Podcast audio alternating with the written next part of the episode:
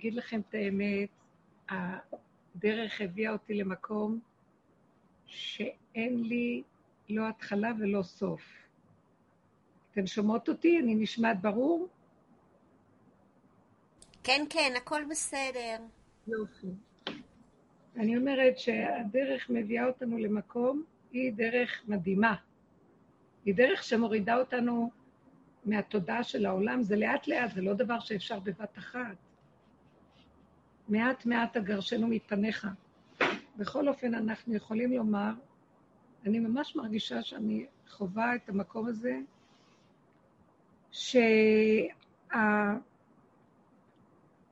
שהזהויות הרבות שבתוכי שהיו לי נופלות. אין לי בהירות, אין לי זהות מיוחדת. אני לא יודעת מי אני, זה לא מעניין גם, לא מעניין אותי להיות משהו, מישהו. אה, רק קשר נפש עם המציאות, כל רגע איך שהיא, שבא לי איזה משהו של תחושה, עצבות לרגע, או איזה שיממון, או איזה ביקורת על משהו, אז ישר אני אומרת לעצמי, זה שקר, אין מציאות ואין שום דבר. תנשמי ותפרקי את כל המושגים ואת כל האסכולות ואת כל ההבנות, ויש לך, תצמצמי את המוח להרגע, כאן ועכשיו. הצמצום הזה הוא מתנה שאי אפשר לתאר. נגמר. אין לך על מה להיות עצבה. היו לי כאן אה, כמה ילדים, והם באו לשבת, והם אמרו לי, אני רואה אותם, אנשים צעירים, ואז אני רואה איך שמוצאי שבת נחלש להם הכוח, כי זה מוצאי שבת. והם נכנסו למין כזאת התכנסות, נכאות של מוצאי שבת. ואז אמרתי, למה, למה אתם, מה השתנה? נכון שיש איזה מה שנקרא נשמה יתרה, שהולכת ובאה, ואז הם אמרו, הנשמה היתרה עוזבת, אז מאוד קשה לנו אה, להיות ברגיל. ואני חשבתי ואמרתי להם, אמרתי להם, לא חשבתי אפילו, אמרתי להם, תוותרו גם על הנשמה היתרה, תוותרו על הכל. תיכנסו למקום שאין לכם כלום. כל נשימה כל רגע בא והנשימה שלו בידו, וזה הרבה יותר טוב לי מאשר להיות בין הגבהים הגבוהים לבין הנמיכות הנוראה. התנועה התמידית של הכדור הזה וכל המהלך שלו, זה בתודעה, זה במוח, כשיודעים שיש נשמה יתרה. כשלא יודעים כלום, הנשמה שמחה, טוב לה. היא חיה את הרגע, ולא חסר לה דבר. יש לה רגע, היא דבקה ברגע. הדבקות ברגע, שם יש חיות. איך שזה ככה. לא לחפש דרגות ומדרגות והרגשות ונפילות וקימות. נגמרה לנו המלחמה. אמרנו, כי תצא למלחמה, לא מסוגלת יותר לפרש את הפרשנות, כי לקחנו אותה ופירקנו אותה כי נכנסנו למלחמת המלחמות. העבודה הזאת הכניסה אותנו למלחמה שהיא לפנים משורת הדין, אנחנו אפילו לא מחויבים בה.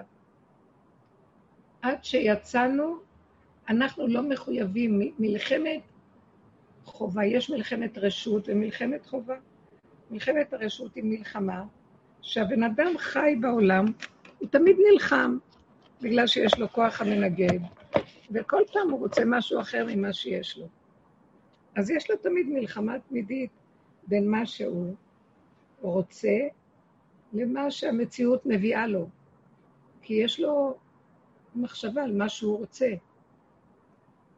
אבל אם הוא לא רוצה כלום וחי את הנשימה, והנשימה מזמנת לו, כלומר, כל רגע בא וכיכרו בידו, כלומר, רגע מישהו מתקשר, נוצר לך מציאות, אז עכשיו נוצרת מציאות, אבל אתה לא יוצר אותה, אתה לא צריך להתעקש איתה. אז אתה רואה שזו סיבה ששלחו לך, אתה מתעסק עם הסיבה. בעולם של תודעת עץ הדעת כל הזמן יש מלחמה קבועה. זו מלחמת הקיום שלנו פה. המלחמה הקבועה שקיימת. גם אנשים שאין להם תורה כל הזמן נלחמים בין היצר הטוב ליצר הרע. כלומר, מחשבות רעות, מחשבות טובות, כל אחד כפי ערכי מחשבותיו. אלה שיש להם מצוות ותורה, אז הם גם כן עובדים מאוד קשה להתנגד ליצר הרע וללכת עם היצר הטוב, ומלחמה קשה מאוד. אנחנו נכנסנו בדרך שסיימה את המלחמה החיצונית, המלחמה היא לא בחוץ. אני לא נלחמת נגד איזה דמות שמרגיזה אותי, או איזה השקפה מעצבנת, או אה, מישהו עושה משהו וזה מציק לי. אני לא נלחמת נגד זה כבר. מה, אבל אני כן, המלחמה נכנסה למדרגה יותר פנימית, שאני נלחמת עם עצמי, כי אני רואה שזה בעצם אני. אני נלחמת עם תודעת עץ הדת, כי אני רואה שהתודעה גורמת לי את הכאבים, אבל אני עדיין נלחמת. אנחנו רק מחליפים את המלחמה במלחמה. כל הזמן אנחנו מחליפים את מדרגות המלחמה. מבחוץ, בחוץ, בחוץ, לפנימה יותר, פנימה יותר. תודעת עץ הדת התורנית, איסור מרע ועשה טוב, היא עדיין בחיצוניות המוח. אז אנחנו נלחמים כי אנחנו חיים עם תפיסה שיש עולם ויש טובים ויש רעים ויש טמאים ויש טהורים ויש דברים שמותר לעשות ויש דברים שאסור לעשות, אז אני כל הזמן נלחמת עם מה שאני רואה שהוא הפוך לתודעה של השכל התורני. אבל כשאני מתבוננת ואני רואה אין אדם מת, כל כך הרבה עבודה נעשית, וכל הזמן אני מתרגזת בעולם. כל הזמן אני אעשה דברים ועוד פעם ועוד פעם ועוד פעם. ומשהו מציק לי, האמת טופחת לי על הפנים, שזה בעצם, קיבלנו דרך מדהימה, מופיעה הדרך שלנו ואומרת לנו, לא, תכניס את המלחמה יותר פנימה. אתה צריך להילחם עם המנגנון של התודעה, גם הטוב שבו. הרע שלו והטוב שבו, כולו מנגנון שתמיד יגרום לך מלחמה וצער. אז עכשיו אני נכנסת פנימה, ואני נלחמת עם תודעת עץ הדת, וזה גם מלחמה. זה גם מלחמה, וזו מלחמה מאוד ארוכה. וכל פעם אני רואה, זה מעץ הדת שלי, אז זה לא השני, זה אני. אז אני כאובה, למה זה אני? ואני לא מבינה שהאתה של השני ואני, זה עדיין אותו דבר. ורק דרך זה, כמו שהייתי נותנת לשני ממשות ונלחמת נגד הרע של השני, עכשיו אני נלחמת נגד האני שלי והרע והטוב שלו, שכולו נראה לי רע, אבל אני נלחמת. עד שאני מזהה מדרגה יותר גבוהה. הדרך מדהימה, היא מושכת אותנו פנימה פנימה ומגלגלת לנו את המגילה, להראות לנו איפה יסודות האמת נמצאים. אמת על אמת על אמת, עד שמגיעים לאדמה. כי אמת מארץ תצמח. אז מה אני רואה? שאני נלחמת עם עצמי. והמלחמה הזאת עם עצמי, כמו שבעץ הדת זה לא נגמר, כי הטוב מזין את המלחמה לרע, הרע, הרע מקבל כוח מהטוב. ולכן הוא ממשיך להילחם עם הטוב, אז הטוב קם נגד הרע, ואז הרע מקבל כוח דרך המלחמה של הטוב, הוא יונק ממנו חיות, וזה לא נגמר. ככה גם שאני נלחמת עם עצמי מול התודעה בכלל, גם זה לא נגמר, עד שתשש כוחי ואני אומרת, גם זה, אין לי כוח יותר להילחם. אין לי כוח להילחם עם עצמי שרוצה לצאת מעץ הדת, כי אי אפשר לצאת ממנו. כי גוף הזה נותן לעץ הדת להמשיך להתקיים, כי אני חושבת שיש עצמי, שאני קיימת. רק אני קיימת ואני צריכה לפרק את עץ הדת. עד שאני מתחילה להבין שגם לפרק את עץ הדת אני לא אוכל להמשיך, מאחר ו... אני מזינה אותו על ידי המלחמה. המלחמה מפרנסת את האויב. זה סוד שלא יכולים להבין אותו בכדור הארץ. לאט לאט מי שהולך בעבודה הזאת מתחיל להבין. ואז הוא מבין שיש מחייה אחת אחרונה. אנחנו כבר לא ששים לצאת למלחמות, רק פשוט לא לתת ממשות לעצמנו. אמרתי לילדים, אל תרגישו שום דבר. מוצאי שבת הגיע, זו עובדה קיימת. כרגע העולם חי עם ידיעה שהזמן של שבת נגמר, התחיל מוצאי שבת. למעשה לא צריך להיות שום הבדל. אין הבדל בין כלום, זה רק התחושות, זה הפרשנות, זה המשמעות, זה הידע שיש לנו, הוא גורם את המהלך הזה, אבל באמת באמת אין שום דבר. לא נשתנה שום זמן משום זמן. אנחנו אומרים, מתפללים ומבקשים שיהי רצון שנגיע ליום שכולו שבת. כלומר, אנחנו מצפים ומחכים שיהיה לנו זמן שכל יום יהיה בחינת שבת, גם ראשון, גם שני, גם שלישי, בחינת שבת. ושבת תהיה שבת שבתון. זאת אומרת, דרגה טיפה יותר גבוהה. לא יודעת, יכול להיות, תמיד יש משהו בתוך השבת שהוא זמן אחר.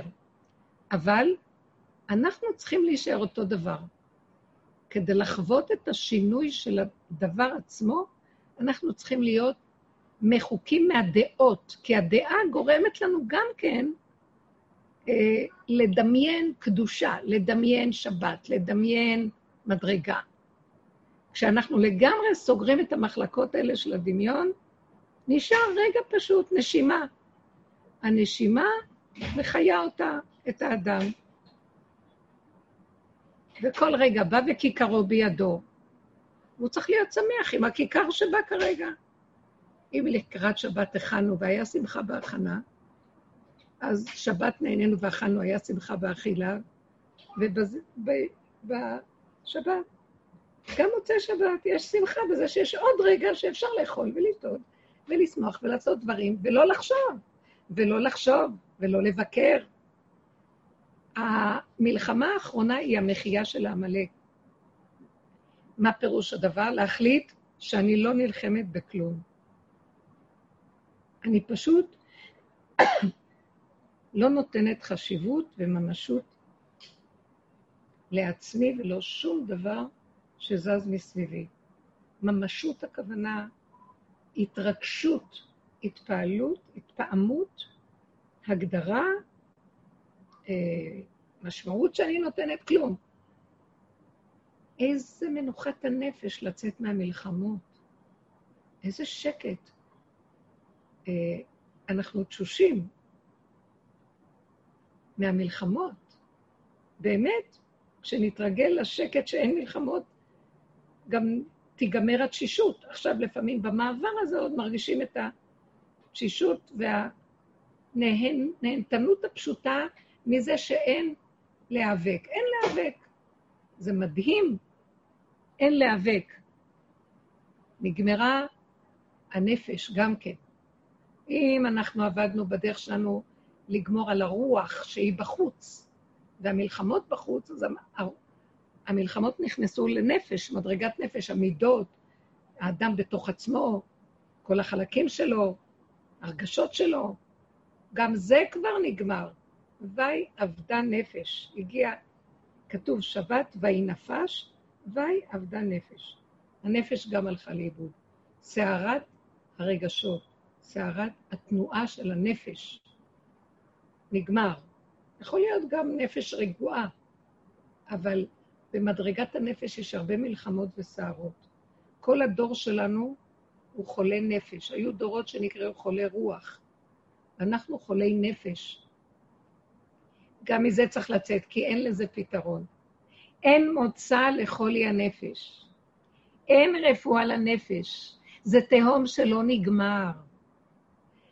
עץ הדת מתלבש גם בתוך מדרגת הנפש. זאת אומרת, יצאנו מהרוח, וזה כבר לא מלחמה של המוח, אבל היא נכנסת למלחמת הרגש. המוח מתלבש על הנפש ונלחם עם עצמו. עברנו הרבה איסורים שם, הרבה מאוד איסורים, הרבה כאבים. ובסוף ראיתי, זה לא נגמר. זה לא ייגמר. בתוך האדם יש מנגנון של תודעת עץ הדת. המנגנון יושב בראש, אבל גם יש לו עוד ראש שיושב במעיים. והנפש, הקצה שלו, של המנגנון, זה בור בלי תחתית, כי הוא לא קיים, כי הוא דמיון. אז אין, הוא אין, כלום. אבל אני נותן לו חשיבות.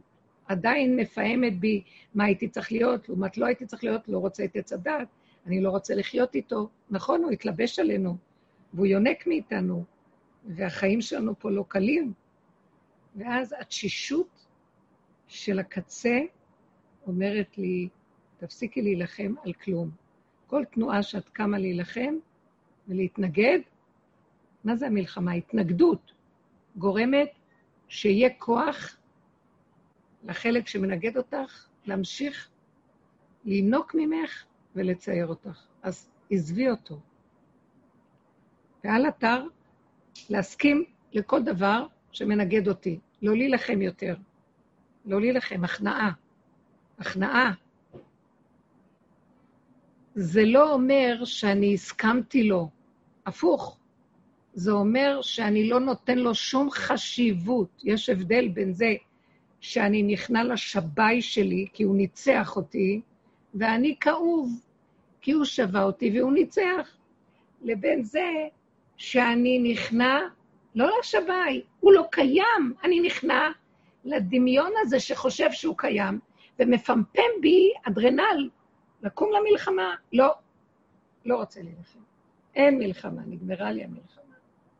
נגמרה מלחמה. הלוואי. זה כלל גדול עכשיו. כי תצא מהמלחמות, תצא לגמרי. תיכנס לחושך, שקט. זה לא חושך, הפוך. זה כאילו חושך. אין, אין הערות, אין מי יודע מה, סיפוקים, לא ריגושים, לא עניונים, דברים לא כל כך מעניינים, הכל נראה פשוט. זה נחמד, יש שלוות הנפש שמה. השלווה הזאת היא... להתראות. שבוע טוב. להתראות. שבוע טוב. איזה תמונה יפה. אז אני אומרת שהמהלך הזה, מה שנשאר פה, זה המתיקות, של החושך הזה הוא טוב. הוא לא חושך. זה כאילו נמלטנו מהסערה של הזרקורים, השקריים האלה. ואז טוב, שקט, נעים. שמה יתחיל לרדת קו דק של אור חדש, בטוח. הכל עלה, כל החלקים עלו לנו, די. אני רואה את זה, אני מרגישה את זה ממש חשה על בשרי. הולך להיות לרדת קו דק של אור חדש שמתאים לסוג אנשים שהתרוקנו ואין להם אתגר מהעולם. העולם הוא מאוד יפה איכשהו, תמונה יפה. אנשים הולכים, אנשים באים, נמחק השייכות, מה קשור אליי להתרגש, ההוא הולך ככה, זה אמר ככה, דעות, רעיונות, שיטות, ויכוחים, שייכות, לא שייך שום דבר. השקט הפנימי הזה, יצאנו מהמלחמות. אנחנו מתכוננים לפרשת כי תבוא.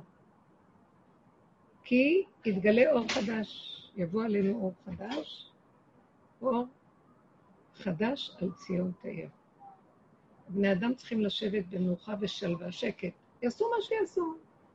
שיהנו מהבית, שיהנו מעצמם, שיהנו ממה שהם עושים, שילכו, שיבואו, שימנעו מסערת החיים, שימנעו מהערבוביה עם סערת החיים. שאנחנו צריכים להימנע מלהאמין לחיים. לא להאמין להם. הגענו למקום מאוד מאוד קריטי, מאוד עדין, מאוד מיוחד. מה אכפת לנו? מה אכפת? הפוך, שלא תגידי כן, אז את מתנתקת מהעולם, לא אכפת לך מהעולם, לא יהיה אכפת לך מבני אדם. אגיד לכם את האמת, זה בדיוק מה שהשם רוצה מאיתנו. שנתמקד ביחידה לאט לאט דרך הגולם, לא יהיה אכפת לנו כלום חוץ מהיחידה. ואגיד לכם משהו, היחידה הזאת השם נכנס דרכה, והוא מקשר אותנו, הוא מחבר אותנו זה לזה, הוא מאחד אותנו, הוא גורם לנו שנאהב אחד את השני לרגע, לפי הסיבה, לפי המציאות שמתגלה כאן ועכשיו, בלי אה, סיפורים בהמשכים ומגילות נכתבות. כל רגע איכשהו בשמחה שבו. באו, היה אחדות, הלכו, שכחת אותם מהמוח, שכחת מהזיכרון. באים אחרים, וככה זה כל דבר. הלכת, נפגשת עם זה, דיברת עם זה, עשית פעולה כזאת, אחרת. עוד רגע יש פעולות אחרות. הכל בסדר איך שזה. שקט, שלוות הנפש. המוח לא יכול, המדוזה נפלה. הוא לא, אין לפיתה. אנחנו, הדעות, המחשבות, ההרגשות, לא לופתות אותנו. אין להם מקום. כאילו מרחו עלינו איזה שמן, דישנת בשמן ראשי. והשמן מחליק. כל מה שרוצה לטפס על הראש מתחלק. לא יכול לתפוס. אין לו זיז להיאחז בו. אין לו שום מקום. האדם הזה מתחיל להיות מוכן לתהליך שמתגלה בכדור. מי שהולך בדרך והוא רוצה להיות נאמן למהלך החדש, זה כאילו הוא מרדים החיים, המוח שלו נרדם למציאות החיים. המוח נרדם למציאות החיים. נרדם, הכוונה, נרדם מהשקר, מהתגובות, מהגירויים, מהאחד ועוד אחד שווה, מהזהויות, הפרשנויות והמשמעויות, המצוקות של ספרייה, שהמוח סוחב ואין לך כוח להכיל אותה יותר. גם הטוב שבה הוא שקרן ורמאי, אין בו שום טוב. לא כל שכן הרע שבה. אנשים לא מחפשים אמת, לא רוצים לזהות את עצמם, לא מוכנים להגיע לדרגות הפנימיות, כי בדרך יש הרבה צער, כי הבן אדם צריך לראות שבעצם כל הבלגן בתוכו, זה לא קשור בחוץ כלום. אין לו על מה להלין ולהתרגז, ואין לו את מי לדרוש ולצפות, ואין לו כלום. הטענות רק עליו, וגם עליו אחר כך הוא רואה, הוא לא יכול לטעון על עצמו גם, כי גם הוא נפש כמו הנפש שבחוץ, ואין דוחים נפש מפני נפש. ועל כן, עץ הדת יתעלק ויתלבש תמיד על מה שמחשיב את עצמו למציאות. אם זו מציאות טובה מול הרעה, ואם זו מציאות שרואה שזה הכל מעוות אצלה, והיא מתעצבת ונכנסת למלחמה, גם זה לא טוב. ואומרים גם את זה, נגמרת לנו העבודה. וי אבדה נפש, נכנסים לשבת. מה זה השבת? השביתה של התודעה. מה זה השביתה? היא צריכה משהו להתעלק עליו. היא צריכה משהו להעביד אותו, להכניס אותו לשעבוד. שכלי, רגשי, נפשי. אין לה על מה. כי אנחנו לא מספקים לה את זה, לא מתרגשים יותר משום דבר. זה מהלך נפלא שהוא עכשיו קיים. אם יש לכם שאלה בעניין, ולחדד את זה ביחד, אני אשמח מאוד. זה מהלכים של הלכה למעשה במדרגות שאנחנו עוברים. להיזהר מהעולם, להיזהר מלרוץ בעולם בשלב הזה, להיזהר מהקשרים והחברויות, להיזהר מהמחויבויות, להיזהר מאחריויות, לעשות הכל בקטן ולהתחדש כל רגע, כאן ועכשיו. כאן ועכשיו. כאן ועכשיו. ולהשאיר שטח נקי מישות, בלי חותמת. אני עשיתי, אני יודעת, אני מבינה, אני נתתי צדקה, אני, אין אני. הפעולות עוברות דרכנו, מישהו פועל דרכנו. הבריאה פועלת. הבריאה מפעילה אותנו לטובתה. זה לא שלנו פה כלום. זה שלוות הנפש, זה נקיות, זה שמחה. בתוך מקום כזה מתחיל לרדת קו דק חדש, שמחדש אור חדש. מה אתן אומרות? הרבנית? כן. זאת מיכל. שבוע טוב, מתוקה. שבוע טוב. את יודעת שהדברים האלה הם, הם רצו ושוב. ויש רגעים באמת שאני מתחברת למקום הזה שאת מתארת, ויש רגעים שהם אה, הרוב, שהם אה, פשוט לא מרפים מהמציאות הזאת. כאילו, זה כמו אה, החוף מבטחים שלנו. דברי כאילו, בקול. אני אומרת שכאילו המציאות הזאת היא כמו חוף מבטחים בשבילנו. כן, יש לנו איזה משהו שלא לא מוכן אה, להרפות עד הסוף. כאילו, הוא עושה את העבודה בווירטואליות, ומגיע לכל מיני מקומות ונקודות, ונוגע, ועוד פעם חוזר למציאות הזאת. ו, ו, ו, ואני מרגישה שזה כל פעם, עוד פעם, עוד פעם, עוד פעם, עוד פעם, ואני כבר צועקת, כאילו, אני לא, אני לא מצליחה, אני לא מצליחה להרפות מהמציאות הזאת, וכל מוצאי נהיה ארגני, וכל מה שאת אומרת זה נכון, ו, ואחר כך אני גם מלכה את עצמי, עד שהגעת, עד שהגעת למקומות אחרים, עוד פעם חזרת. אה, ואני יורדת על עצמי, ואני אומרת לקדוש ברוך הוא, אבא, אני יונה פוטה, אני כל פעם, אני אעשה את זה שוב ושוב, אתה כבר חייב אה, להכניס את האור החדש הזה, אי אפשר, אנחנו מפנים לך את המקום, ואז אני נשארת באיזושהי שממה כזאת, שמגרה אותי ומפתה אותי להציץ לעולם הזה, את מבינה? כי בשממה אין שם שום דבר. אבל השממה הזאת, אם היית קצת מתמידה בה ולא הולכת להתפתות לדברים חדשים, עכשיו אני אגיד לך מה שראיתי מהדבר, מהדברים שלך, מה שלא יחזור, אל תתני לו הרגש, אל תאמיני לו אפילו. יבוא לך רגע קשה ברצו ושוב. רגע את נמצאת במקום הכי טוב שבעולם, אחרי רגע יש לך ירידה. אל תתני לירידה ממשות רגשית. אל תתני לה משמעות. מה אכפת לך? כאילו את צריכה להגיע למקום של ליבי חלל בקרבי. מה אכפת לך? למה עוד אכפת לך שנפלת? למה אכפת לך שלא הלך לך? למה אכפת לך שהמדרגה הקודמת הגיעה, הלכה? אין מדרגות יותר, הלכה, באה, אין כלום. תחזרי מיד, ל...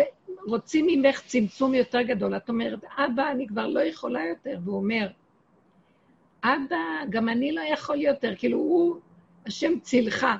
הוא רוצה לבוא להתגלות, אבל את צריכה לתת לו את המקום הזה, שאת מסכימה לריק, לריקנות. זה קצת זה קשה, ריקנות? את יודעת, כי אני לא, לא כל כך נמצאת בריקנות. אני כל הזמן מוקפת עם אה, ארבע זעתותים, שכל אחד מושך לי בקוקייה אחרת, בכל רגע נתון. ואת יודעת, הם קצת מפרים לך את האיזון הזה ש... של להתרכז במה את צריכה לעשות, ודי מחזירים אותך למציאות ה... השקרית. נכון. אבל גם יש משהו שהם, התשקיף שלך, ההתייחסות שלך, אנחנו בדרגות פנימיות גבוהות, נכון, יפות, נכון. זה לא המילה, אבל אמיתיות, והם מחזירים אותנו להראות לנו שעדיין זה לא הגיע בפועל ממש. כלומר, את מגיבה להם. תנטרלי אותם, תדעי לתת להם את מה שאת חייבת. מה את חייבת? את חייבת לתת להם אוכל, קיומיות. את יכולה לדבר איתם, בסיס. אבל לא להיות אחוזה בהם. להתעקש על הדבר הזה. שהם הכי מרגיזים, שופכים, שוברים, לכי לחדר אחר, כדי שלא תצעקי את הרגע שזה מעצבן. גם אם צעקת, אל תתני לעצמך ממשות. צעקת, קמת. לא קרה כלום. הכל בסדר. אם נוכל לעבוד, להמית את ההרגש, את הגירוי תגובה, את השייכות, זה מאוד מאוד יקדם אותך למקום החדש. תתעייפי. תגידי, אני לא מוכנה, לא רוצה. צריך לבוא עלינו משהו שיתיש לנו את הכוחנות הפנימית. הדרך מאוד מתישה. הכוחנות הפנימית היא קשה, היא דמיון, אבל הוא התקבע כאילו מציאות, בגלל שכל העולם כזה. ונהייתה מציאות כזאת מקובעת של תגובות כוחניות, כועסות. כן, נגבות. כאילו משהו לא מרפה, משהו לא מרפה, אין, ואני כל הזמן מזכירה לעצמי, כל הזמן... לו, אל תתני לו כוח רגשי. אל תתפעלי, אל תתרכזי עליו. תסכימי לו, הוא לא ייגמר. הוא יונק ממני כי אני מתרגשת, כי אני מחשיבה אותו. אני כועסת עליו. אני אומרת, עוד פעם הוא הצליח עליי. זה כבר נותן לו כוח. באותו רגע שזה קרה, באותו רגע תמחקי כאילו אין כלום. צריך כוח של אכזריות, כוח של ניכור, לנקר עם כף, נוכרי, להיות כאילו נוכרי לדבר. זה כי הוא יונק מהרגש הזה. אז מה אכפת לך? תעשי לב חזק, וזהו. יכולה... אם אני רואה שאני, מאוד קשה לי עם ילדים כרגע, אני הולכת, אני יושבת באותו בית, אני עושה משהו אחר. אני מסיחה את דעתי מהם. כן, אני, כמה שאני יכולה, אני משתדלת, אבל ברגע שהם יוצרים קשר עין, צריך להיזהר מאוד מאוד. תגידי להם, שתפי אותם עם האמת. תגידי, אני לא יכולה, אני מתרגזת, תתפסו מרחק. מתי שבאמת, באמת, באמת צריך אותי, אני נמצאת. אני לא, אתם לא צריכים כל הזמן אותי. תשחררי את עצמך מהם, אל תהיי זמינה להם, אל תהיי כל כך מצויה להם. המלכות, אנחנו נכנסים לספירת המל, המלכות. המלכות היא לא נמצאת קרוב. יש מרחק בין המלכות לעם. זה חשוב מאוד, כי אם לא, אנחנו מגיבים. כן. הרבנית, מה שעזר לי בנקודה הזאת, דווקא הייתי רוצה להגיד עכשיו, שמה שכתבת באלון עכשיו לאחרונה, אה, זה יעזור אולי למיכל, העניין של קוף אחרי בן אדם, שזה הצל שלנו, ואז אנחנו ממש רואים את, את המצב שאנחנו נמצאים, וזה עוזר לנו לזהות ואז לצאת מזה. כן, זה הגירוי תגובה של עץ הדעת. הוא לוקח מאיתנו את הכוח. אני בצער, אז הוא לוקח את הכוח הזה, וככה הוא מגיב לי, דרך החיות הזאת של הצער, משם הוא יונק. אה, אנחנו צריכים להסתכל על הדברים שכל עוד הרגש של העולם קיים, אין אלוקות. לא יכולה להתגלות, הכוח האלוקי לא יתגלה, כי הנחש יונק שם. אז אנחנו צריכים לנקות את השטח. אל תרגישו, אני אגיד לכם את האמת, הגיע הזמן, עברנו כל כך הרבה בדרך הזאת. גם אם אתן מרגישות, אל תייחסו חשיבות להרגשה. אל, אל תיתנו לזה ממשות. זה דרגת שחיטה יותר גבוהה, אבל אני אגיד לכם, מי ששוחר לטוב האמיתי, לשלום האמיתי, לשלווה האמיתית, חייב להיכנס למלחמה הכי גדולה, לפרק את הדמיון העצמי הזה. זהו. ולהיות קר. גם אם נפלנו, גם אם הגבנו, לא להתרגש לתגובה. כאילו פורים, בכי צחוק. מסכות, משנה מסכה. לא לתת ממשות. לחזק את הנפש.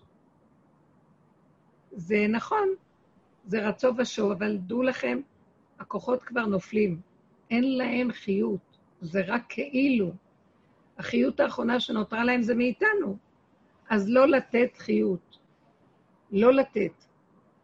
יש רגע קטן בתוך הנפש פנימי של חיות, שאיתו אני מתייחדת עם הבורא ואומרת לו, תודה, תודה, תודה. זה החיות היא אמיתית, כי היא כל הזמן רק מודה. מה היא מודה? על השלווה, על השקט, על הפשטות, על הרגיעות, על הנשימה הטהורה והנקייה של האוויר, שהוא לא מלא ערפילים וצער. זה כל כך ערך עליון אצלי, אין ערך יותר גדול מזה, אין. אין כמו השלום, אין כמו השלווה.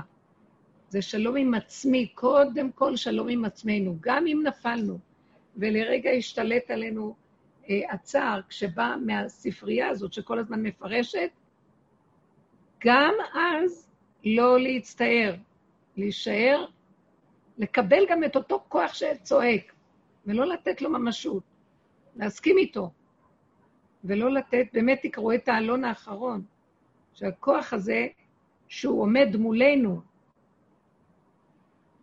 השד צילך, הוא כל הזמן יונק, ולהשתיק את הכל. להישאר בשלווה, לעשות פעולות קטנות ושלוות. נכון שהילדים, אבל אנחנו הרגלנו את הבית. הילדים, יש משהו באימא שהיא אוהבת שהילדים מתעלקים עליה, כי אז יש לה חיות, כי אין לה ערך כלום לעצמה. עד שהילד לא צועק, אימא, אימא, אימא, אימא, היא העיקר של החיים שלו.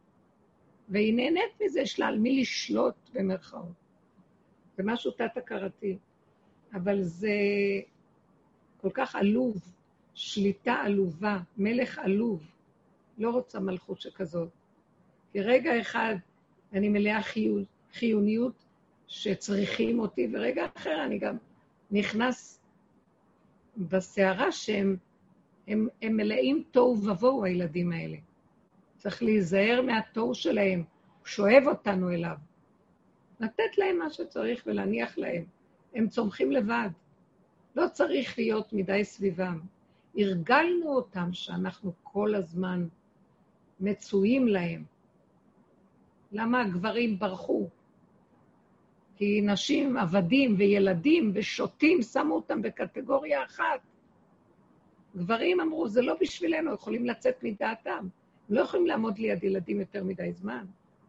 אז בואו נלמד מהם גם. למה? למה? עכשיו זה הזמן שאנחנו גואלים את החלק הזה של הנוקבה שנפל, ומוציאים אותו מהקללה.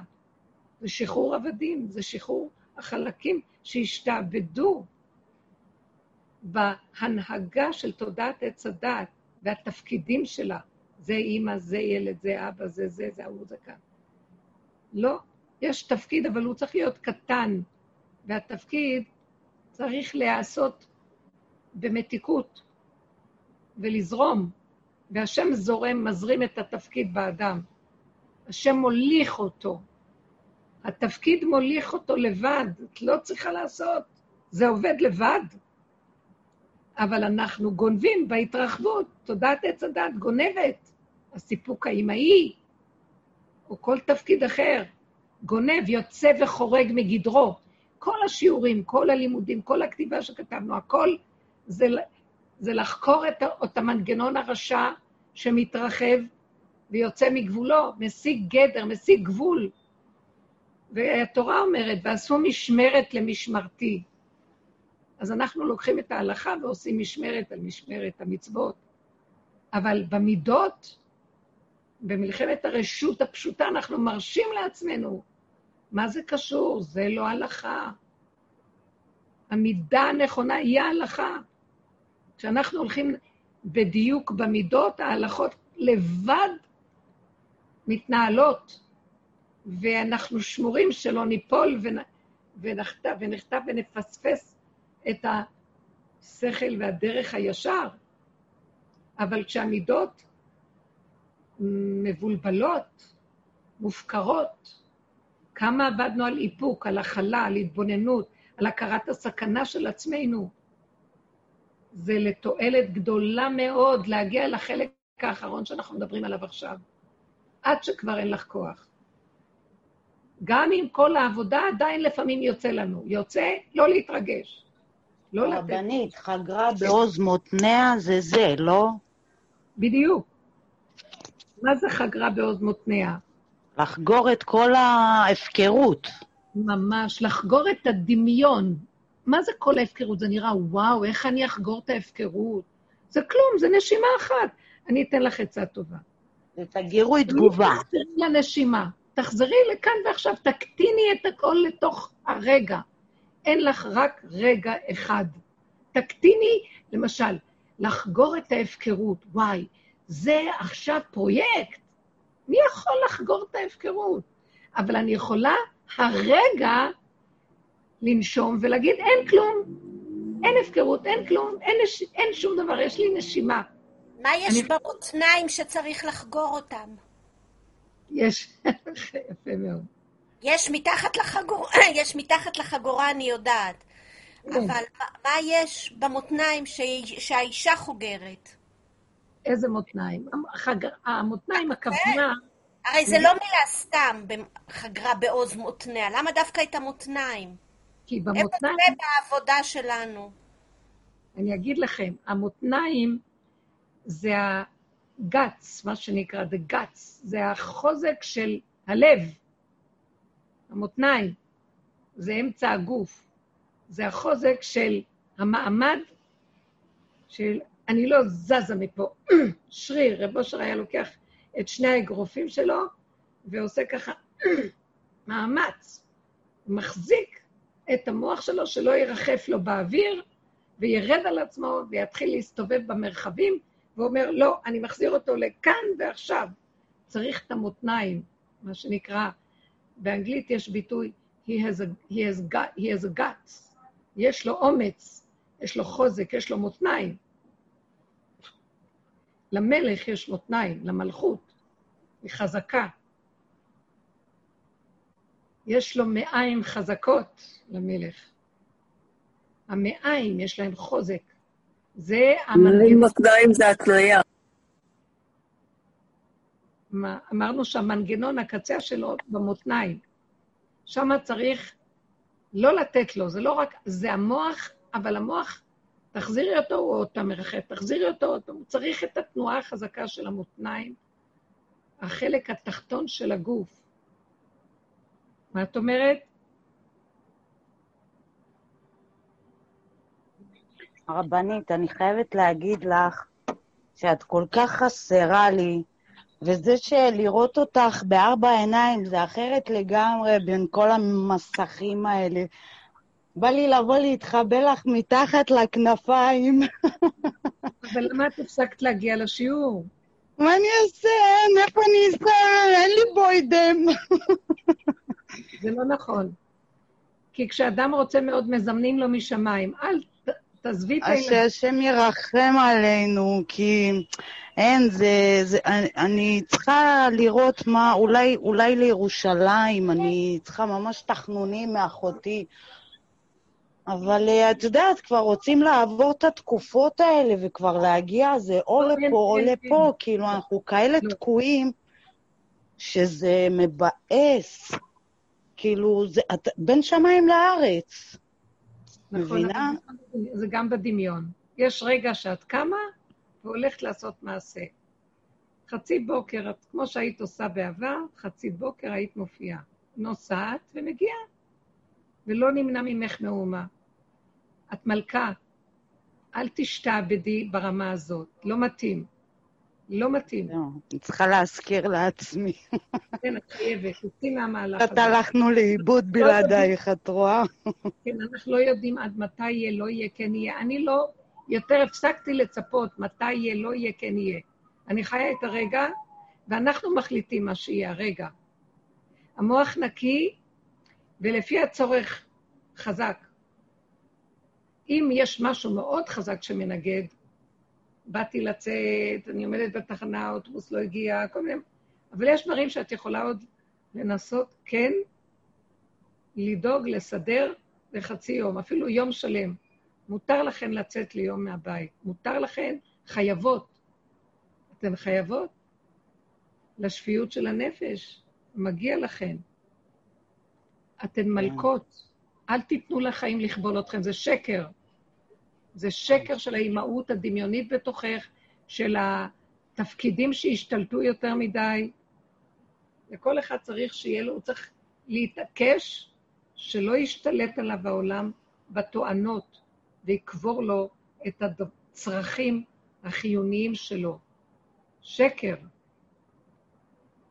רב אושר היה קולט הבת שלו, הבת שלו עם ילדים קטנים. הייתה באה אליו לבית שלו, באותו עיר, כן? הוא לא היה נותן לה לחזור לילדים לפעמים. הייתה ישנה אצלו בבית ימים, והילדים בבית. שמעתם?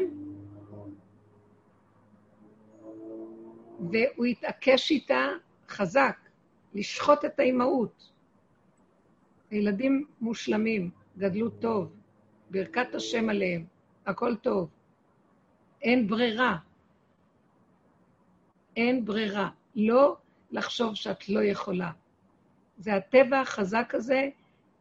אנחנו לא צריכים למרוד בטבע, אנחנו צריכים לצורך שעה למרוד במוסכמה שסגרה עלינו את הפתח של החיות שבטבע, והפכה את הטבע למצב של מצוות אנשים מלומדה, תפקידים שאין בהם כבר חיות, מנותקים מיסוד האמת, וזה לא. צריך לשבור את הקטע הזה ולמרוד, לא לתת. לא יקרה שום דבר לאף אחד, כי קודם כל את עושה את מלחמת השחרור של השכינה שבך, וזה יבריא את כל המשפחה, וזה יקיים את המשפחה, כי ביטולה הוא קיומה. לפעמים, וזה טוענות שווא. ואל תחכי שיהיו תקופות אחרות ושתיגמר התקופה הזאת ולא תיגמר. לא ייגמר שום דבר. אנחנו נכנסים לעידן של חוסר בהירות, לעידן של גילוי האמת, שמה? שתודעת עץ הדת היא דמיון של סדר. הכל תמיד תוהו ובוהו מתחת לסדר הזה, ואין לנו שום שליטה על כלום. ומתחיל להיות המצב הזה, וכולם חושבים, עוד מעט זה ייגמר, עוד מעט נחזור, עוד מעט, לא, אין עוד מעט ואין ייגמר ואין כלום. יש איך שזה ככה. ובתוך זה תסחי, בתוך הנישות של המציאות של החיים. בזרם הזה תלכי, ולא תחכי לשום דבר שיהיה. זה כל הזמן השקר של החיים. תדעו לכם, כשמרוקנים את התודעה ומתחילה תודעה ליפול, מה יגיד לך מה לעשות? כמובן, אנחנו עוד יש לנו איזו תוכנית שאנחנו יודעים מה עושים או לא. חוץ מזה, יש דברים שאת מחליטה אותם. את יוצרת מציאות. זה לא את עם האגו.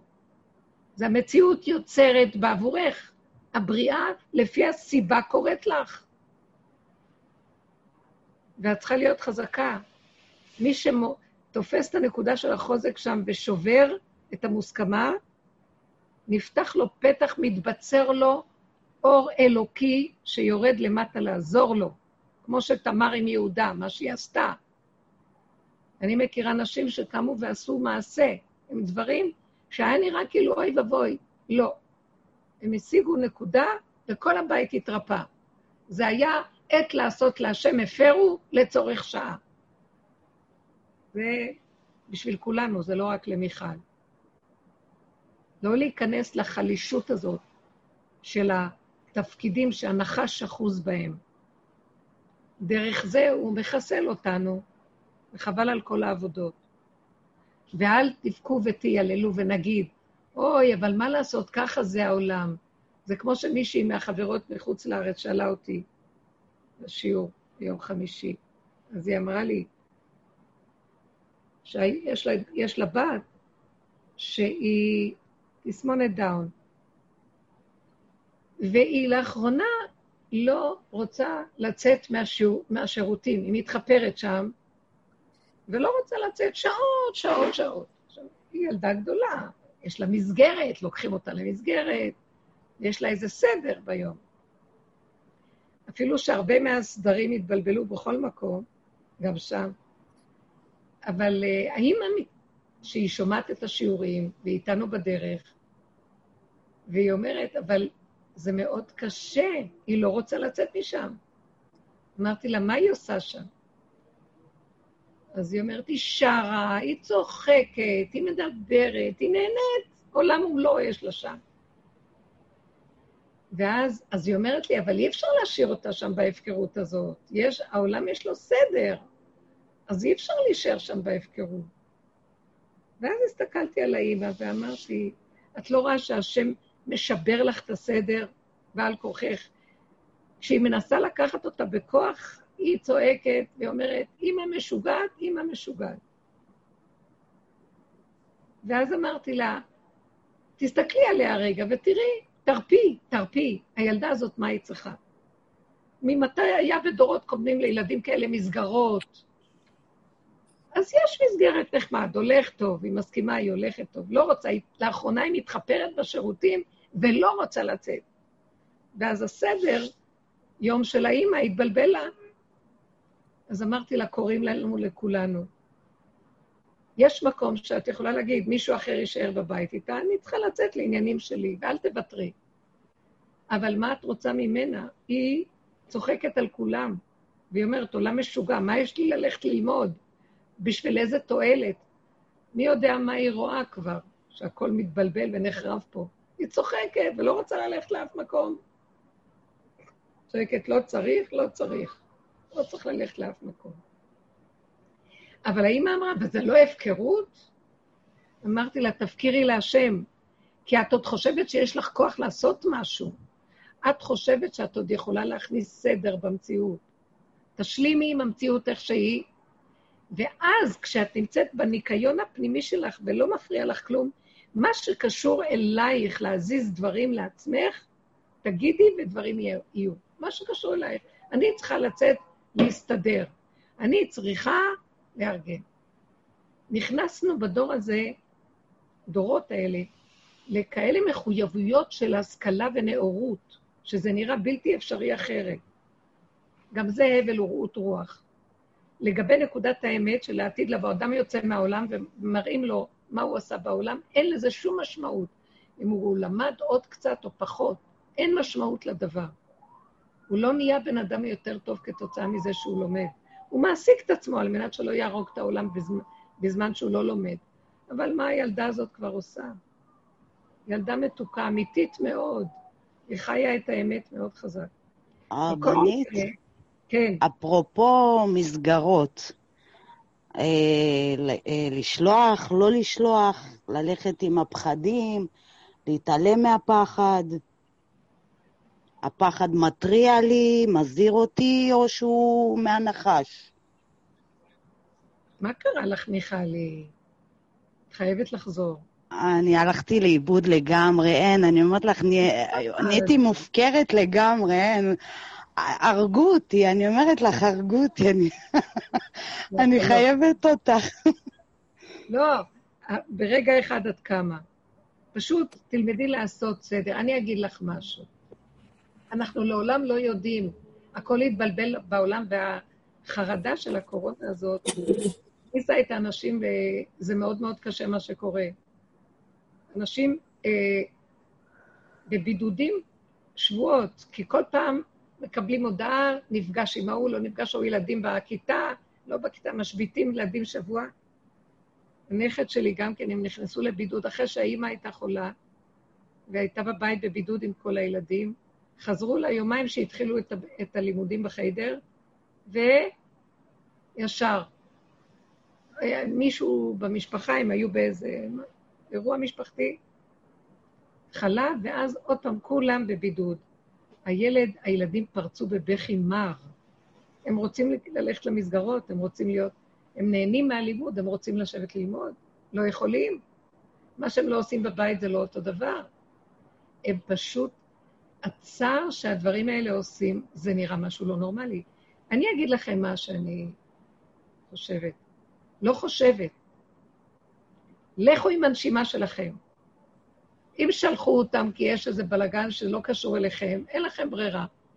אם כל עוד הכל בסדר, שאת תתנדבי לחשוב ולפחד מה יהיה, לא יהיה, כן יהיה, חבל לך על הזמן. ויכול להיות שכל זה הולך לקרות כדי שבני אדם באמת יתיישבו בבתים ויתחילו בדלת אמות של אמת. מי שצריך ללמוד תורה באמת, ישבו וילמדו בבתים, ישבו וילמדו בבית כנסת קטן, בכמות קטנה של אנשים. לא חייב את כל הממסדיות והמסגרות, הממסדיות הולכת ונופלת. אבל אל תתנדבי מראש. כל עוד יש לך מסגרת ואת יכולה לשלוח אותם, תשלחי. נותנים לך חופש, תיקחי. כן, בדיוק. כל עוד את- פתרת לי את הבעיה. רבנית, פתרת לי. היה לי ספק. חבל, אל תכניסי ספקות. לכי עם פעולות פשוטות. נוח לך שילכו, כדי שתשבי כמה שעות רגועה ותעשי דברים שאת צריכה. ברור, ברור. אי- כבר אי אפשר לסבול את המצב הזה, כבר אי אפשר, זה כאילו... למה את? למה? יש, יש מסגרות. התחילו מסגרות. עדיין לא, אבל אוטוטו, אם את אומרת, אז אני לא לחשוב, איתך. לא לחשוב. הילדים צריכים להיות עסוקים. אם זה מעסיק אותם וטוב להם, לא לחשוב. לשלוח. ולהתפלל להשם שיהיו שמורים. תתפללי, תגידי, השם תשמור עליהם. תשמור עלינו. אה, תתפללו שהשם יעטוף אותם בענני כבוד, ולא יהיו ניזוקים מהסובב. זה גם כן דמיון מאוד גדול שמתפתח ומאוד קשה לעצור אותו. לא לתת חשיבות לבחוץ. לכי עם הנתונים בהתאם אלייך. אם את מרגישה שאת טוב לך איתם בבית, למה לא? ויש לך... ואת במקום מאוד טוב, למה לא? אם את לא, ואת צריכה גם את השקט שלך, והילדים לא טוב להם, אז הכל לפי זה. לכי עם הנקודה של כאן ועכשיו, בלי תוכניות, ולא לפתח את המוח עם החרדות והמחשבות והחלטות ומסקנות. אין מסקנות, אין פתרונות, אין החלטות ואין כלום. יש הרגע. זהו, לכי כן, לא, לא לקבע משהו, ללכת עם התוהו ובוהו, פעם כן. ככה, פעם ככה. ממש. נפלנו, קמנו, קמנו, נפלנו, גם אין קימה ואין נפילה, הכל בסדר איך שזה ככה. תצמצמו את הנפש הרחבה של המשמעות וההתרגשות, וחיו, תחיו עם העולם שאתן מסדרות אותו. אנחנו, מתוך הכאן ועכשיו של הרגע, בסיסמת האיך שזה ככה, הכל בסדר, מקבעות את המציאות החדשה שלנו. ככה אנחנו צריכים לחיות, זהו. אף אחד לא יוביל אותנו פה. מה שאין לך ברירה ואת מחויבת, עם בנקים וסידורים ועניינים. אבל אם אפשר גם עם הבנקים, למשוך את הידיים. מה שאדם יכול לעשות, למשוך את עצמו מהרשויות, מהמסגרות, זה מאוד טוב, מאוד מאוד טוב. זה עכשיו הזמן שמתגלה משהו חדש, והוא מחפש את האנשים המתאימים, המתאימים לו, לצרף אותם אליו. ומה שיהיה אחוז בעולם ומקובע בתוך העולם, זה חבל, מפסיד, הוא מפסיד. נתנו הרבה הזדמנויות, עשינו עבודה מאוד גדולה. זה הסוף של העבודה הזאת, אין כבר כמעט עבודה.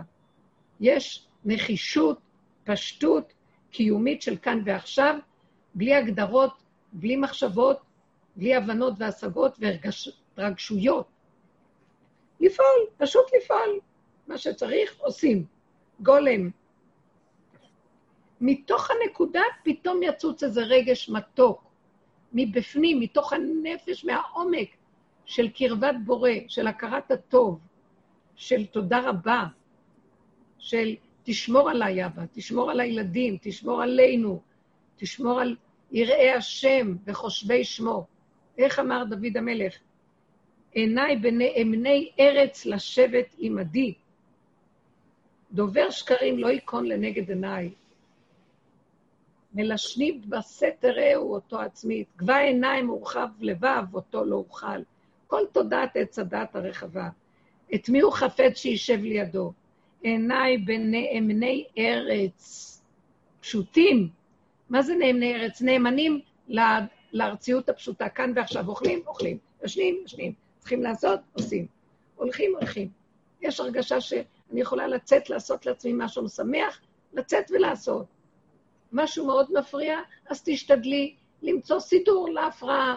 זה באמת לא מפריע, הכל בסדר, יכולים לי, ילדים להישאר לבד. תשלחי אותם למסגרות. מה שאפשר. בלי אג'נדות, בלי רעיונות, בלי השקפות. אנחנו רוצים לחנך את הילדים ככה וככה וזה, וזה משתגעים על כל דבר. שקר. שקר, אין כלום. העולם הזה בלוע. בטח שיש בו, זה עולם ומלואו, אבל זה קרקס אחד גדול. תמשכו את הכוחות שלכם לתוככם. תתחילו להצטמצם מכל מה שקורה בחוץ, יותר מדי להסתכל ב, בעולם. לא יודעת מה שאני שומעת, סרטים, כל מיני תוכניות, כל מיני אנשים שעושים ככה ביקורת, חדשות. זה משגע, אפשר, אפשר להשתגע מזה. אנשים חיים בהפקרות, והולכים עם הפקרות תודעת עץ הדת, ופתאום אנחנו באים לנסות להבין מה דעתך על כזה דבר או דבר, איזה דעה, איזה דעה, איזה מה. העולם רוכש, זה עולם דמיון אחד גדול, עולם ומלואו מלא דמיון והוא רוכש, ואין בו כלום. מה יש לי? תגידו לי עכשיו כמה דברים, תביאו. שאלו אותי מה דעתי על שקורה זה וקורה זה, קורה שם. מה דעתי? שאלו אותי על האונס שהיה, אני לא בחדשות, אני לא יודעת. על הבנות שנסעו לאילת והיה שם אונס. מזעזע. אני לא כל כך נכנסת לפרטים. אז שאלו, מה דעתי? לא ידעתי מה להשיב. מה זאת אומרת, מה דעתי? זה מעוות לא יוכל לתקון. איזה בנות הולכות לטיול כזה לבד? לא יודעת, בעולם כזה מופקר. זה סכנה העולם הזה, סכנה. אז מה דעתי על כך? אני אתן להם עכשיו, בואו תיכנסו לדרך, אין כלום בחוץ, תכבו את השלטרים ותיכנסו לבונקר, זה שקר בחוץ, משוגע, סכנת עולם. תנצלי דברים קטנים. הבונקר שלי הוא בתוך העולם. הוא יכול להיות בתוך שוק מחנה יהודה, הוא יכול להיות בתוך התחנה המרכזית, הוא יכול להיות בתוך, בנסיעה או באיזה עיר אחרת. גם בתוך הבית הבונקר שלי. כל רגע יכול להיות הסכנה באה. זה לא שאני מתחפרת באיזה מקום ולא מוציאה ראש. בתוך העולם תהיו, ושם בתוך הבונקר. תשתמשו בעולם מה שאתן רוצות וצריכות, אבל בקטן, ממוקד, כאן ועכשיו, בלי להתרחב ולהתעלק ולספר, לתת למוח לספר סיפורים, ולהתרווח על כורסה פה. סכנה. מה זה? אז עוד כל מיני, כמו האיש ששאלה אותי, מה לגבי התוכניות האלה של, לא זוכרת איך, שהם צוחקים על קודשי ישראל. מה דעתי על הדבר הנורא הזה? תקשיבו, אתן שבויות? מה דעתי על הדבר הזה? זה רק רשעות הכי גדולה יכולה לעשות כזה דבר. ו- זה, זה הרבנית, כלביב, כלבים רבים סבבוני. ממש, אבירי בשן כיתרו, נתפצו עליי פיהם. לכי תגידי מה דעתך, מה יש להגיד? איזה דעה יש? זה מעוות לא יוכל לתקון. כל היהדות הזאת, אה, איך, אם בכלל יש מה שנקרא עם ישראל, זה בזכות דורות שנשחטו על קודשי ישראל. פתאום קמו כמה בהפקרות נוראה, וכל העולם נראה ככה, הפקרות שאין לה אח ורע. וצוחקים. הוא צוחק על האושיות של חייו ועל קיומו. אז הוא כנראה שייך לערב רב או משהו. מה יש לי להגיד? איזה דעה? למשוך את הידיים ממנו. מה שהרגיז אותי בכל זה, ש, שרבנים התרכזו על זה. אז עניתי מה שהרגשתי, שבאמת הרבנים הם מדרגה של אנשים יותר נעלה, וכואב להם. אבל אני הייתי מציעה עכשיו לרבנים להיכנס למהלך של הדרך שלנו, שזה כבר לא הבעיה בחוץ, זה הבעיה בנו, שאנחנו נותנים ממשות לעולם, אנחנו רק בצד השני שמול העולם. אלה הרעים ואנחנו הטובים. וזה לא נגמר, אז אנחנו מפרנסים את הרוע הזה. הדעות והכעס על אותם אנשים מפרנס. אין לי, אין לי כעס עליהם אפילו, הם, כל, הם לא קיימים. אני צריכה להיזהר לא להיכנס בדעה, שאני לא אשנא אותם, כי אז אני מעוררת את הכוח השונא שבתוכי. תודעת עץ הדת, יש בתוך האדם כוח ששונא, מחריב את האדם, מבקש להעבידו. אני לא רוצה לפתוח את התיבת פנדורה הזאת עד שסגרנו אותה. היא לא קיימת. אז אני מפחדת, אבל הרבנים עוד קיימים וחושבים, הם קיימים. לא, אני לא אומרת הרבנים, התודעה של הצדקות והרבנות והחשיבות של זה לעומת זה חייבת כבר להיפסק. השם סוגר את המקום הזה כבר, והוא רוצה אותנו, לך מי בו בחדריך. הוא רוצה אותנו שכל הכוח הזה, הרבני הגבוה, שהוא באמת עשה עבודה מדהימה והוא חשוב, הוא מבורר, וקודשי ישראל יש בו, ויש לו ערך לקודשי ישראל. אבל תכניס את זה פנימה, לתוך הנפש, עמוק עמוק, ונפרק את תודעת עץ הדת מבפנים, מתוכנו, נמחה את העמלק הזה. אז בחוץ גם הם יקבלו הרהורי תשובה, והם לא ידעו מאיפה זה בא להם. רב אושר היה מספר שהוא היה יוצא לפעמים לצעוק בשדות, והצעקות שלו היו על עצמו ועל הנפש שלו, ועל חלקים בתוכו שהוא רואה בעבודת הנפש, כמו שהיינו עובדים כל הזמן, הפגמים. ואז הוא היה אומר, ואם עכשיו, באיזה מקום בסוף העולם איזה יהודי מתעורר לעשות תשובה, זה מהצעקה שצעקתי פה. על הנפש שלי שיש לה פגם כזה או כזה. אני מעלה את הניצוצות האלה, אני מעלה את החלקים המקולקלים על ידי הצעקה. ואז החלקים האלה עולים לשורש שלהם, ויכולים לנגוע באיזה יהודי שיש לו משהו דומה, ולהביא אותו. סיפר לי באמת איזה מישהו, שהוא היה גר בלוס אנג'ל, לא יודעת באיזה, באיזה עיר רחוקה בחוץ לארץ, יהודי, תקוע. ויום אחד הוא לא הבין, נפלו לו הרהורי תשובה, הוא לא הבין מאיפה זה בא לו. הוא לא גדל במשפחה כזאת כמה דורות, הוא בכלל מופקר היה. והוא חזר בתשובה.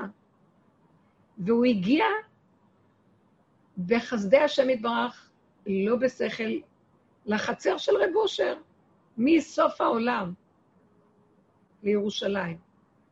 וכשהוא נפגש איתו, הוא אמר לי את זה, ופתאום הבנתי שזה האיש הזה גרם לי לחזור בתשובה.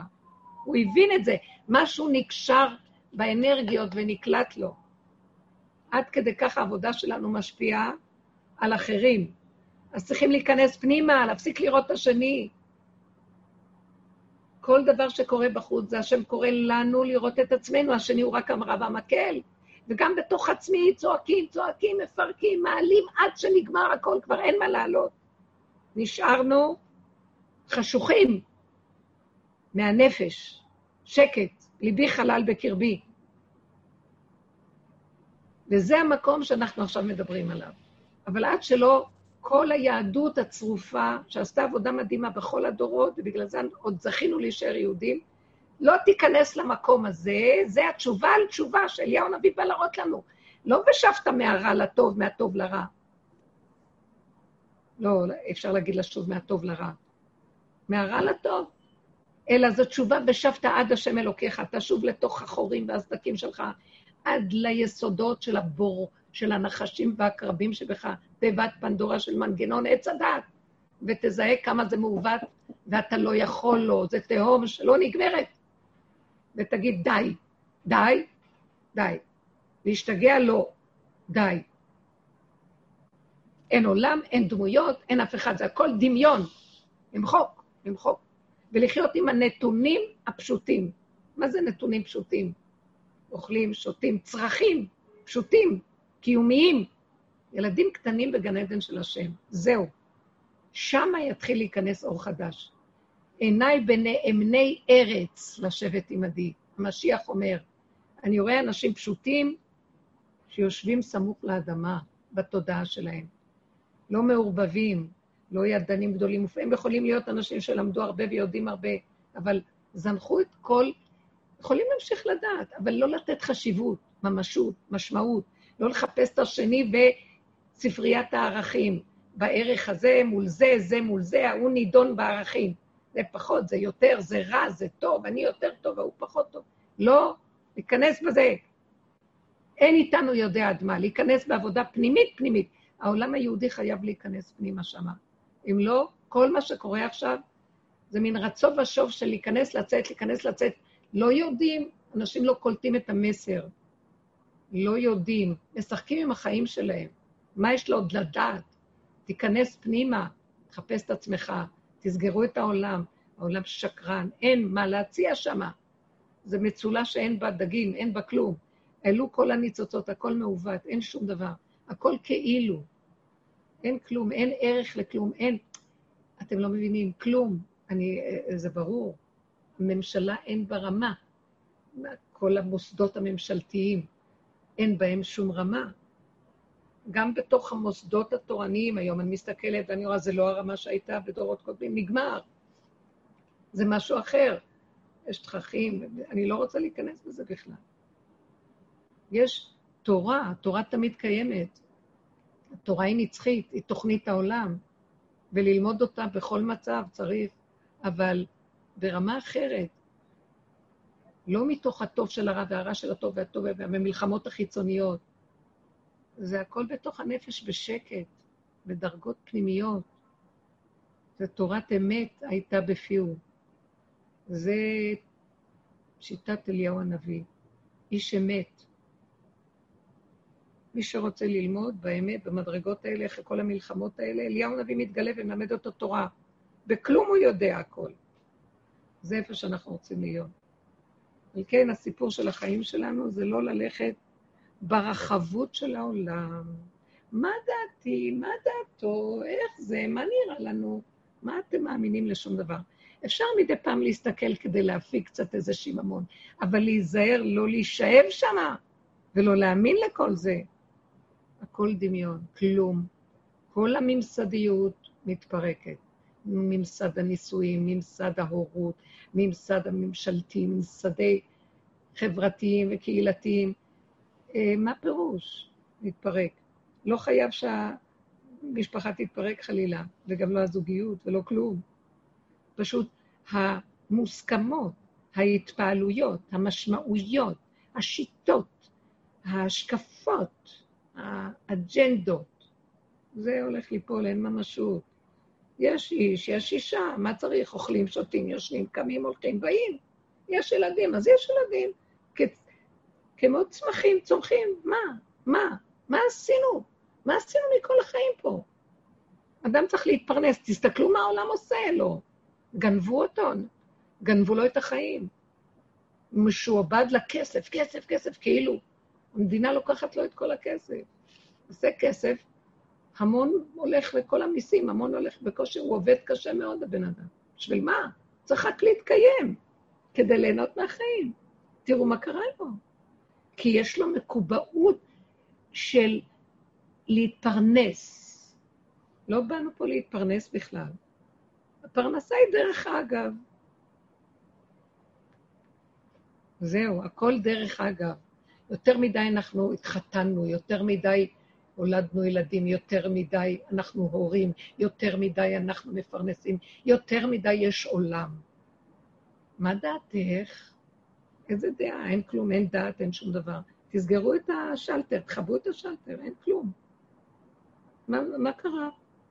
אדם לקח אישה, התחתן, נכנס, גמרנו, בשביל מה צריך לעשות את כל ההוא-הא, והרעש, והרגש, והשיער? אין כלום, תהנו, תשמחו. שלום, שלום, דרך ארץ, שלום, מה שלומך, איך את מרגישה? צריכים עזרה, תתני עזרה. בן הזוג לא מרגיש טוב, צריך לעזור, לסעוד ולתמוך. מישהו אחר צריך עזרה, להגיש עזרה. ילדים צריכים לאכול, תחזיר אוכל. מה כל הנפש שבאמצע? מה זה? שקר כזה, הכל נפש, נפש, הוא אופרה. מה זה? זה הגניבה של הנחש, נגמר.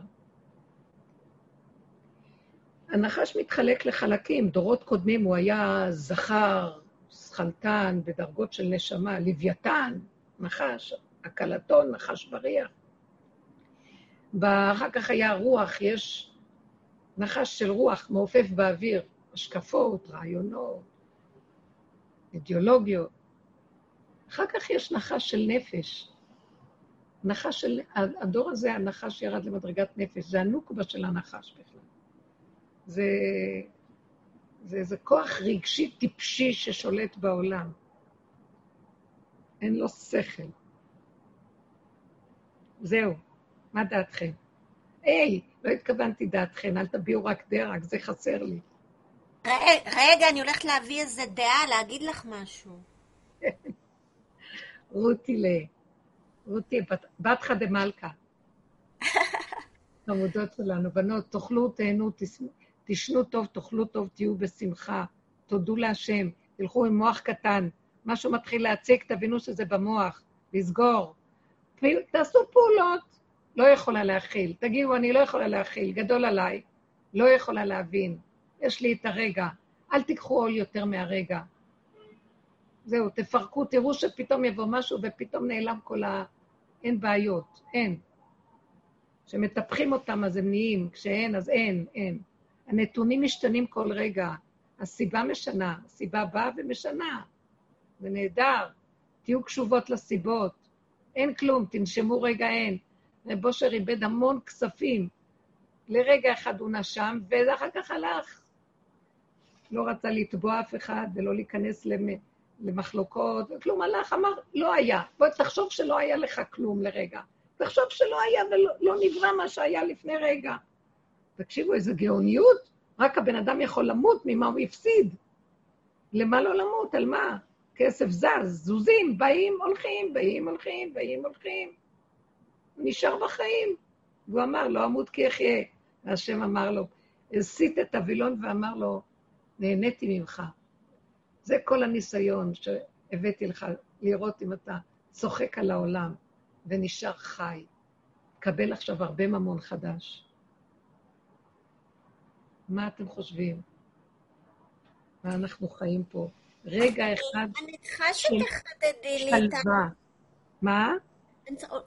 אפשר, אני חשבתי שאני מבינה את לחיות לפי הסיבות, אה, אבל לפעמים זה מבלבל מתי הסיבה היא אה, לעצור ומתי זה המנוע.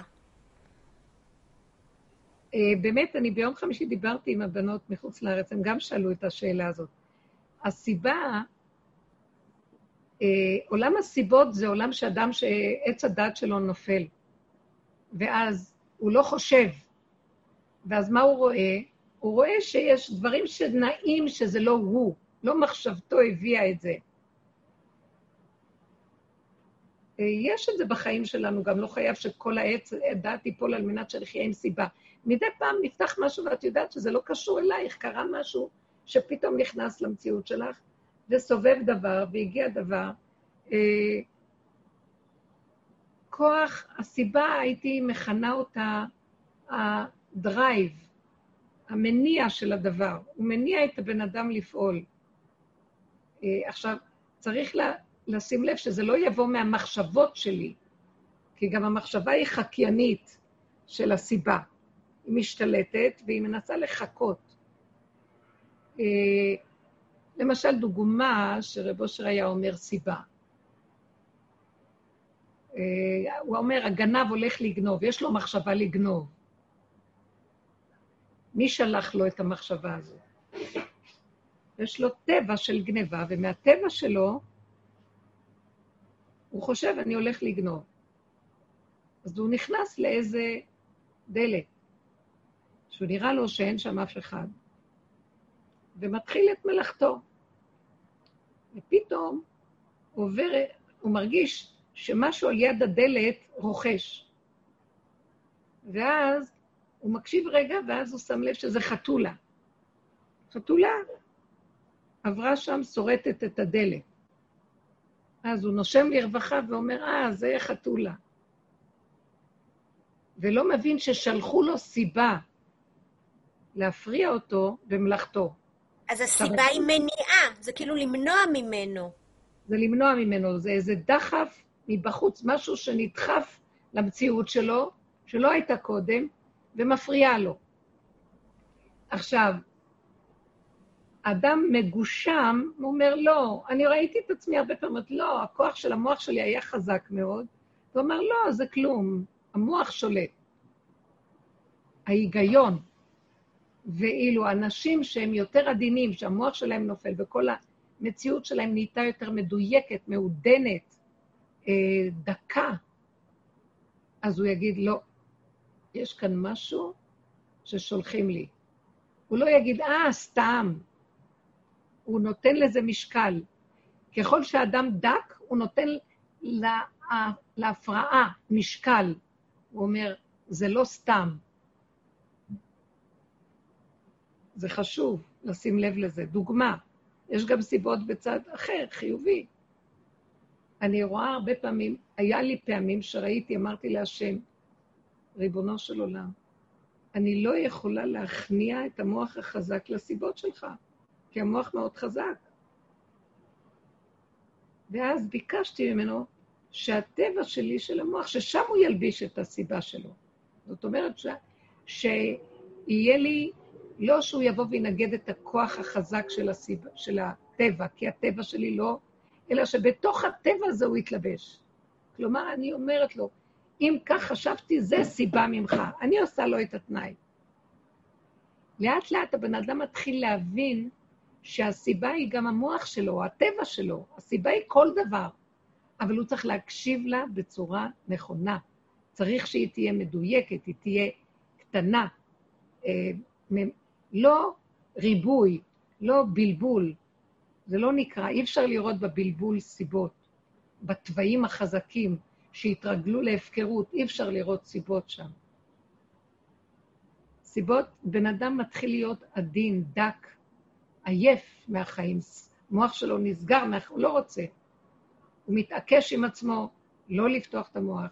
לא, זה דרגות, אנחנו כאן בעבודה הזאת, זאת עבודה של המעלה הכי גדולה בכדור הזה, להיות בן אדם פשוט.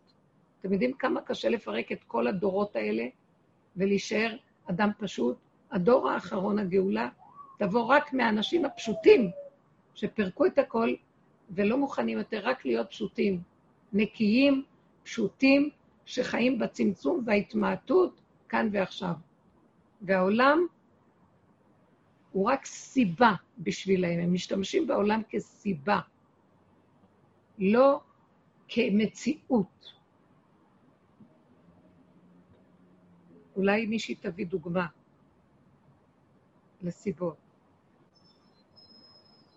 אני רואה שמישהו מתנגד לי, אז אני משתדלת להיכנע, ולא להתווכח, לא להתנצח, לא להכריח. פעמים שלא יכולתי, אז עניתי. ואמרתי לבורא עולם, לא יכולתי להיכנע לסיבה שלך. אז לא התרגשתי, כמו שאני אמרתי למיכלי, לא להתרגש מזה שלא יכולתי. וזה עבר.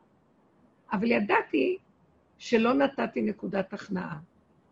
אבל אם לא, לא עשיתי נקודת הכנעה לסיבה, אז נכנעתי לזה שאני לא יכולה לתת. הבנתם? אז ממה נפשך? אם, אם לפני, אם אחרי, אבל נכנעתי, הסכמתי. לא ירדתי על עצמי וכעסתי, למה לא נכנעת לסיבה? לא נורא, הכל בסדר.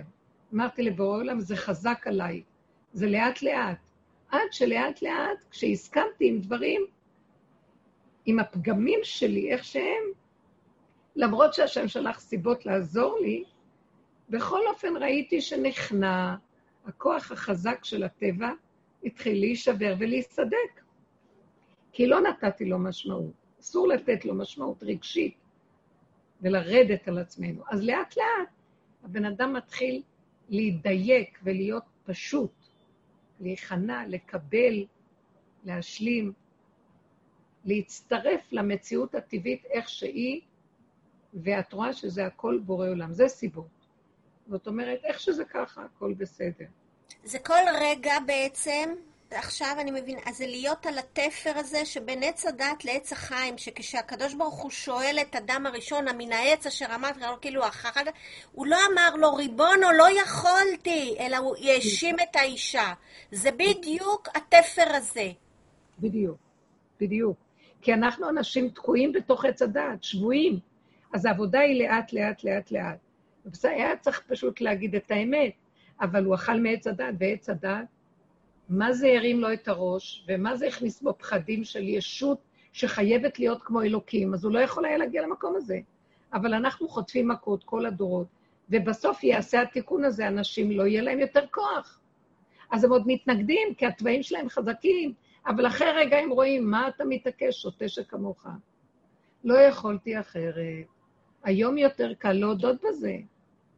דוד המלך עם כל, גם הוא היה חזק ועקשן, היו לו תוואים קשים מאוד. הברטנורה אומר במשנה, המפרש של המשנה, הברטנורה, שכל המידות הרעות שלו באו לו ממורשת מואב. מידות קשות היה לו. הוא היה כעסן, עצבני, קופץ, דחף, יצרי. טוב, די, את לא צריכה להעליב אותי כל כך הרבה. רות, את רק רות בינתיים. נו, ומאיפה הוא הביא את זה? חמודה. בסופו של דבר, הוא השלים וקיבל את הכל. והסכים להכיר שכל החוזק שלו וכל הרצון שלו בצדקות, לכבוש את משנאי השם, הוריד ראש. הוא ראה שזה לא נגמר לו, הוא השתגע. ואז הוא נכנס למצב של חטאתי נגדי תמיד, והוא הודה. הוא עשה את התיקון של אדם הראשון. אמר, אני לא יכול, אני מציאות של חטא ונפילה. אני רק רוצה להרים ראש, ישר אתה שולח סיבה להפיל אותי. למה? כי אתה רוצה אותי עם ראש באדמה, כי אתה רוצה אותי בתיקון אחר מהעולם. כל העולם הולכים וגדלים ורוצים להיות משהו, ודרגות ולצמוח, ואנחנו הולכים הפוך על הפוך על הפוך. נפילות, זה טוב. ראש באדמה זה טוב. למה? כי רק ככה תקום מלכות השם, ורק ככה השם יתגלה על עולמו בסוף. הפוך מכל הדורות. כל תהליך ההיריון הוא משהו אחר. התפתחות, מחודש לחודש לחודש, הולך ומתפתח. בסוף, הפוך עושים, תהליך הפוך לגמרי. הכל אחורה, אין התפתחות ואין קדימה. זה השתלשלות וירידה למטה, אין כלום. זה מהלך אחר. הדרך שלנו היא הסוף, היא מהלך אחר. לנו יש תפקיד להביא את העולם לסיום, העולם הפרטי שלנו במוח וכל הזכלים, וגם העולם בחוץ, דרך זה, כמו שראינו בקורונה, איך הכל נכנס. זה אתן ידעתן, בנות, שנים של עבודה, שבסוף זה התוצאה, הכל מתפרק, אבל זה בא בפעימות לגבי העולם הכללי. גם אצלנו זה רצו בשור, אבל בסוף זה יגיע למקום הזה. והסיבות יתחילו להתגלות. הסיבות הן, את אומרת, אני לא יודע מה לעשות, אני לא יודע, כן יהיה מסגרות, לא יהיה מסגרות. אני אומרת, תסגרו את המוח, ולא לדעת. ולכי עם הסיבה. הילדים רוצים ללכת, לך נוח שהם ילכו, שקט לך, צריכה את המקום הזה, הם צריכים את העיסוק הזה, בינתיים אף אחד לא יחזיר אותך הביתה, ובינתיים לא שמעת שיש חולי, אה, שנדבקו ממנו הילדים, חלילה, חס וחלילה. אז שלחי, שלחי, סיבה פשוטה. לא ללכת עם הדעות. זה מאוד טוב הדבר הזה. כשאנחנו הולכים במקום הזה, הסיבה היא איך שזה ככה עכשיו. יש התנגדות, תעצרו. יש משהו שנפתח, תלכו. אל תלכו עם תכנונים ומחשבות. פשטות קיומית פשוטה, שגם הסיבה יש לה חלקים. אני היום מגיעה למקום שבאמת אני אומרת לעצמי, כל דבר שמנגד, אני רואה שכינה. למה לי לריב איתה? היא עוזרת לי, היא באה לעזור לי. היא רוצה להציל אותי, היא רוצה לשמח אותי. למה לי לדחוף ולתת למוח שלי לשעות קדימה? הוא חולה בכוח האנרציה שלו. שאחד עוד אחד שווה והולך להיות זה, וזה מספר לעצמו סיפורים. והיא באה להגיד לי, לא. אז היא מתנגדת לזה. תודה רבה, תודה, תודה רבה. זהו, עד שלא ראיתם כוח המנגד חזק, תפעלו בפשטות. ראיתם כוח מנגד, גם זה טוב, שבו איש תחתיו. הכל בסדר, להיות קשוב וללכת בהסכמה, וחיבור והכנעה. תודה רבה לכן, יקרות שלי, שבוע טוב.